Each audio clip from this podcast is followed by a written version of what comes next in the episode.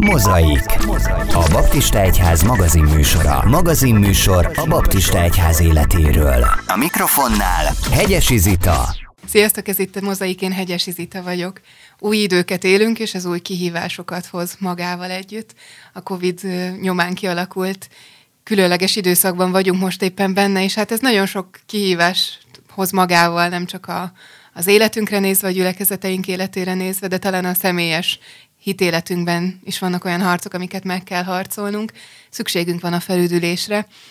Ennek kapcsán szerveződik itt a Baptista Egyházon belül az Egy nap az Úrral konferencia, amelynek pont ez a célja. Turko Istvánnal a konferencia szervezőjével, az Egyházunk misszió igazgatójával beszélgetek. Szervusz István! Szia Zita! Igen, így van. Ahogy használjuk a testünket, néha elfáradunk, és meg kell pihenni, meg kell újulni. Ahogy használjuk a lelkünket, mentális energiánk is fogynak. A lelkünk, szellemünknek is szüksége van arra, hogy, hogy megálljunk, fölfrissüljünk. De egyébként az autónkat is elvisszük a szervizbe, meg a számítógépünket is, hogy fölújuljon, gyorsabb legyen, tovább tudjon haladni. Így nagyon nagy szüksége van a közösségünknek, a közösségünkben szolgáló lelkipásztoroknak, és mindenkinek, aki úgy érzi, hogy az Istenhez közelebb akar kerülni, hogy egy napot tényleg töltsünk el az Úrral. Mégis azért itt vagyunk korlátozva, hiszen személyesen nem tudunk találkozni ezen az alkalmon, online fog megvalósulni maga a konferencia is. Hogyan fogjuk ezt az egy nap az Úrral témát megélni közösségben, így online módon? Ezt tanulni kell, ez egy új műfaj, amit a, a korunk hozott lehetőségként is, és most nem csak lehetőség, hanem egyszerűen az egyetlen megmaradt eszköz, amit, amit tudunk használni a koronavírus járvány miatt.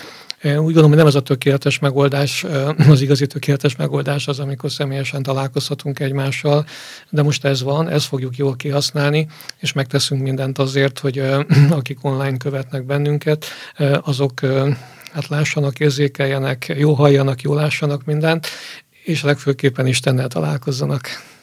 Hogyan fogja ezt a konferencia elősegíteni? Milyen témákkal, milyen programokkal készültek erre az alkalomra? Alapvetően három egységből áll a konferencia. Az egyik része az néhány ilyen rövid Hát mondhatom azt, hogy előadással, de inkább ilyen személyes bizonyságtétel jellegű üzenetekkel lenne megtöltve. Ennek a címe a kegyelem és a fegyelem témaköre. Mind a kettőre szükség van. A kegyelmet Istentől kapjuk, a fegyelem meg hát az embernek a, az eszközrendszere, hogy fegyelmezzük magunkat, hogy valahonnan valahová jussunk. Tehát lesz egy ilyen része a konferenciának, amikor ezzel foglalkozunk. Aztán lesz egy olyan része, amikor egy ilyen lelkipásztorokkal történt beszélgetés lesz, ami bemutatja az életüket, munkájukat, különböző háttérből jönnek, van, aki szorványgyülekezeti háttérből jön, van, aki egy nagyobb gyülekezeti háttérből jön, és lesz olyan valaki, aki nemrég indított el egy új gyülekezet alapítási folyamatot. Tehát különböző oldalról fogjuk megnézni azt, hogy hát az Isten hogy munkálkodik a, a gyülekezeteinken keresztül az embereknek a, az életébe. És a harmadik nagy egysége a konferenciának az pedig egy, egy igazi lelki közösség. Azt a címet adtuk neki, hogy, hogy nyerjünk erőt a keresztnél és tényleg ez az egy forrásunk van, semmi más, nincs más alternatíva, hogy Krisztushoz jönni, és lenne egy ilyen, egy ilyen üzenet, illetve imádság, meg dicsőítésen keresztül szeretnénk tényleg az Isten jelenlétét átélni, megtapasztalni, feltöltődni. Te azért nagyon sokakkal kapcsolatban vagy így az egyházunkon belül is, lelkészekkel, missziómunkásokkal, gyülekezeti tagokkal. Mit tapasztalsz, hogyan hatott a gyülekezeteinkre, vagy akár egyes embereknek a személyes életére ez az elmúlt néhány hónap a járvány? Azt kell mondanom, hogy nagyon vegyes a kép. Nem, nem kell elhallgatni azt is, az sem, hogy, hogy néhány helyen ez veszteségeket okoz, ahol kevésbé tudják rugalmasan kezelni a, a járvány miatti helyzetet. Valahol ez, ez egész jól működik, és valahol megnyereség van. Tehát mind a három kategória megvan. Talán a legelső a legkevesebb, de azért az is van. De örömmel beszámolhatok arról, hogy azért az elmúlt pár hónapban Covid ide vagy Covid oda egy csomó bemerítés volt gyülekezetekbe, különböző helyeken. Valahogy az Isten az több, mint a koronavírus, meg a korlátozások, vagy karantén, vagy bármi. Tehát az Isten az munkálkodik az embereknek az életébe, és több olyan bizonyságtételt hallgattam, amikor amikor a tavaszi karantén időszak az határozottan segített embereknek a megtérésében vagy megújulásában, hiszen nem tudott mással foglalkozni, minden mással megtölteni az életét, volt ideje Bibliát olvasni, imádkozni, az élet fontos kérdéseivel foglalkozni, és van, akinek ez hozta a megtérést, van, akinek ez hozta a megújulást, tehát ennek vannak nyereség részei is, tehát nem feltétlenül rossz ez a koronavírus nekünk. Igen, hajlamosak vagyunk talán picit így a negatív oldaláról megközelíteni. Hát nyilván a hírekben is mindig inkább azt halljuk, hogy, hogy nőnek az esetszámok, vagy jön e, a második hullám, stb. stb. stb. De hogy itt van ennek az az oldala is, ami, ami lehetőségekkel teljes. Te mit látsz a legnagyobb lehetőségeinek ennek az időszaknak? Egyrészt meg kell tanulni az egyháznak rugalmasnak lenni. Tehát amikor egy egyház nagyon beáll, nagyon megszokjuk azt, hogy mi így szoktuk, vagy úgy szoktuk, ezt csináljuk ilyenkor, akkor meg azt csináljuk, akkor ez korlátoz bennünket. Most ez a világjárvány tulajdonképpen fölborította az életünket, és muszáj új megoldásokat, új utakat keresni. Hát például az online közvetítéseknek az eszközrendszerét ki kell építeni a gyülekezetekbe. A lelkipásztorainknak, igényedetőinknek meg kell tanulni, kamerába beszélni, beszélni, meg kell tanulni közönség nélkül is lelkesen prédikálni, mm. és azt is elhinni, hogy ezen keresztül ugyanúgy munkálkodik a Szentlélek, mintha ott lenne 50 vagy 500 ember előttünk. Tehát az új kihívásokra valahogy jó kell reagálnunk, és ez mindenképpen fejleszt bennünket, vagy mozgat bennünket előre, hogy nem maradjunk le. És örülök, hogy, hogy ebben azért vannak pozitív példák. Személyesen hogyan tudunk élni ezekkel a lehetőségekkel, hogy csak a hitéletünkre nézve gondolkodunk ebben a témában? Úgy gondolom, hogy a személyes életünkre nézve mindenképpen e, talán a legfontosabb, hogy nekem, hogy a mennyre irányítja a figyelmet. Tehát, hogy a, a földi létünk az nem annyira biztonságos, mint ahogy gondoltuk esetleg a, a világjárvány előtt. E, persze fontos, hogy amíg itt élünk, tervezzük a jövőt, e, hogy mennyit fogunk megtakarítani, vagy hogy hol fogunk élni, vagy a gyerekeinkkel mi lesz, meg az unokáinkkal, ez teljesen természetes. De nem szabad elfelejtenünk, hogy mi a mennybe készülünk, és hogy az örökké valóságban az üdvösség a mi, mi részünk, és ez talán sokkal közelebb, közelebb jött hozzánk ezzel a koronavírus járványjal, a szenvedés, a halál, a mulandóságnak a kérdése, az azt hiszem, hogy sok embert elgondolkodtatott.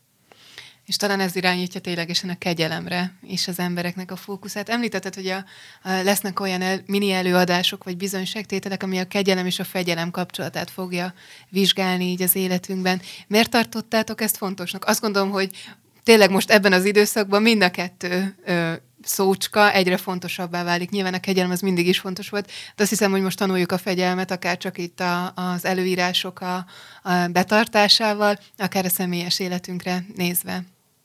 Igen, ez így van, tehát most mind a kettő nagyon aktuális, de ha nem lett volna koronavírus, és ezzel a helyzettel nem kell szembenéznünk, akkor a kegyelem és a, a fegyelemnek a témaköre olyan szempontból is fontos, hogy, hogy teológiailag hajlamos a, a mindenkori egyház, akárhogy is hívják, akár baptistának, akár másnak, valamelyik irányba elmozdulni akár a kegyelem irányába, és nagyon túlhangsúlyozni a kegyelmet, hogy végülis mindegy, hogy mit csinálunk, hát úgyis van kegyelem, majd az Isten megbocsájtja, és hát ez nem, nem a tiszta, tiszta evangélium. Mm. És az sem, ha másik irányba csúszik el az egyház, és elkezdi a, a fegyelmet állandóan hangsúlyozni, és már valahogy nem az Isten szent lelkének a munkája hozza a, a lélek gyümölcs által elő azokat a dolgokat az életemben, ami, ami látszik, hanem ez a kicsit izzadságszagú, én majd megcsinálom, én fegyelmezem magam, én tudom, én pontos leszek, én én megbízható leszek, ami egy ilyen fontos, meg jó emberi tulajdonság vagy jelembeli dolog, de, de mégis az Isten lelke ennek a munkája nélkül ez, ez kevés, ez emberi, emberi produktum. Mm. Tehát ha így nézzük, nagyon nagy szükségünk van a kegyelemre, és nagyon nagy szükségünk van fegyelmezett hívő emberekre, és valahogy ez a kettő ne egymással szembe legyen, hanem valahogy egymás kezét fogva egyensúlyba tartsák az életünket, vagy egy gyülekezetnek az életét, vagy az egyház életét. Ilyen szempontból is fontos ez a, ez a témakör. Hogyan lehet ezt jól csinálni? Nem tudom. Kiderül. nem tudom, hogy hogyan lehet jól csinálni. Azt hiszem, hogy, hogy jó kapcsolatba kell lenni az úrral, és a szentek vezetése az, az talán egyetlen kulcs ebben. Ezt nem lehet tanulni, vagy mm. hogy láttam, hogy ő így csinálja, akkor én is így csinálom, vagy elolvasom a könyv a definícióját, a kegyelem és fegyelem egyensúlyának, és akkor ezt megélem Úgy gondolom, hogy az Istennel való szoros kapcsolat eredményezi azt, hogy ebben egyensúlyban tudunk lenni. És ezért is fontos, hogy hát most egy ilyen deklarált nap, a, egy nap az úrral, de hogy, hogy sok nap legyen az életünkben ilyen. Említetted, hogy lesz egy olyan beszélgetés is, ahol to- több különböző gyülekezetnek a lelkipásztora fog mesélni arról, hogy náluk hogyan működik a misszió. Ezt miért lettad fontosnak, hogy legyenek így kiemelve egy-egy olyan történet, ami talán elgondolkoztathat minket? Mindig lehet tanulni egymástól, és ez az alázatnak meg is kell lenni bennünk, hogy a, a másiknak az élete szolgálata az legyen ugyanolyan fontos, mint a sajátom. És mindenből lehet tanulni, abból is, ha valaki sokkal jobban csinálja, mint én, az inspirálhat. Hát ha meg olyat látok, ami sokkal rosszabb, vagy nem tudom, hogy valami nem jól működik, akkor meg tudom, hogy így nem szabad, vagy ebbe az irányba nem kell menni. Tehát egymásnak a munkáját, életét, szolgálatát megnézni, meglátni, belepillantani, az mindenképpen tanulságos lehet. És azt hiszem, hogy ezek az ilyen személyes történetek, akár a lelkipásztornak, vagy a vezetőnek a személyes életében történik, akár így a szolgálatán keresztül a gyülekezet életéből vannak történetek. Ezek azért érdekesek, ez, ez másokat is érdekel, meg odafigyelnek az emberek erre, és hát közben meg Istent látjuk ebben az egészben. Itt ugye többször előkerült a beszélgetés során, hogy, hogy a fókuszunkat kell, hogy áthelyezzük tényleg a, a mennyei valóságra, Szent Lélekre, Krisztusnak a, a váltság áldozatára. Hova terelődik el a fókuszunk ebben az időszakban? Mi az, amit te tapasztalsz, akár magadon, akár másokon, akikkel beszélgetsz? Hát az egyik irány lehet a félelem, ugyanis tényleg sok olyan hírt hallunk, vagy olyan, olyan dolgokat látunk és tapasztalunk, ami megijeszt bennünket, hogy tényleg ez veszélyes, tényleg ebbe be lehet halni, tényleg megváltozik az egész világ körülöttünk egy láthatatlan vírus miatt. Mm. Tehát a félelem az úgy gondolom, hogy egy valóságos ellenség, hogy, hogy a félelem ne bénítson meg bennünket ebben a helyzetben. A másik oldalon meg az is talán egy, egy veszély, ha valakit meg nem érdekel az egész, tehát hogy annyira közömbösen veszi, és nem csak magát veszélyezteti ezzel, hanem másokat is, akár egészségileg, akár az élet példája miatt. Talán ebben is nagyon fontos az egyensúly. Mi az, amit te ennek a konferenciának, vagy ennek a napnak a fő céljaként fogalmaztál meg? A megújulás. Tehát aki bekapcsolódik, akár úgy, hogy ott lesz előadóként, zenészként, vagy tehát, hogy szolgálóként, akár a másik oldalon valaki a monitorán tévén nézi az egészet, és a nap végén, vagy amikor kikapcsolja a számítógépet, akkor azt mondja, hogy de jó. Én úgy gondolom, hogy ennek a napnak nem az a célja, hogy a nagy tanítások hangozzanak el, rengeteg új információt megtudjunk, hanem, hanem ez a mennyei inspiráció, tehát hogy megújulás, a lelkünk megnyugodjon, új erőt nyerjünk, és azt mondjuk, hogy igen, megyünk tovább, mert jó az Isten szolgálni. Bennem ez a cél van, ha ezt átélik sokan, akkor nagyon elégedett leszek. Hogyan lehet majd kapcsolódni ehhez a rendezvényhez?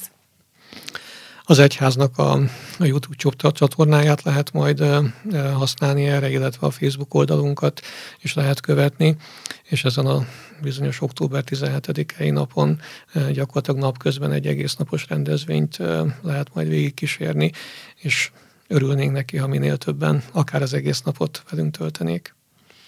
Reméljük, hogy ez így is lesz. Bővebb információkat az Egyház Facebook oldalán és honlapján találhattok a rendezvényről. Én nagyon szépen köszönöm Durko Istvánnak a beszélgetést, és nektek is köszönöm, hogy minket hallgattatok. Tartsatok velünk a következő héten is. Sziasztok! Ennyi volt mára a Mozai. Jövő héten innen folytatjuk. Innen folytatjuk. Tarts velünk akkor is. Most pedig hallgass tovább kedvenc zenéidet, mert, mert a Baptista Rádió neked szól.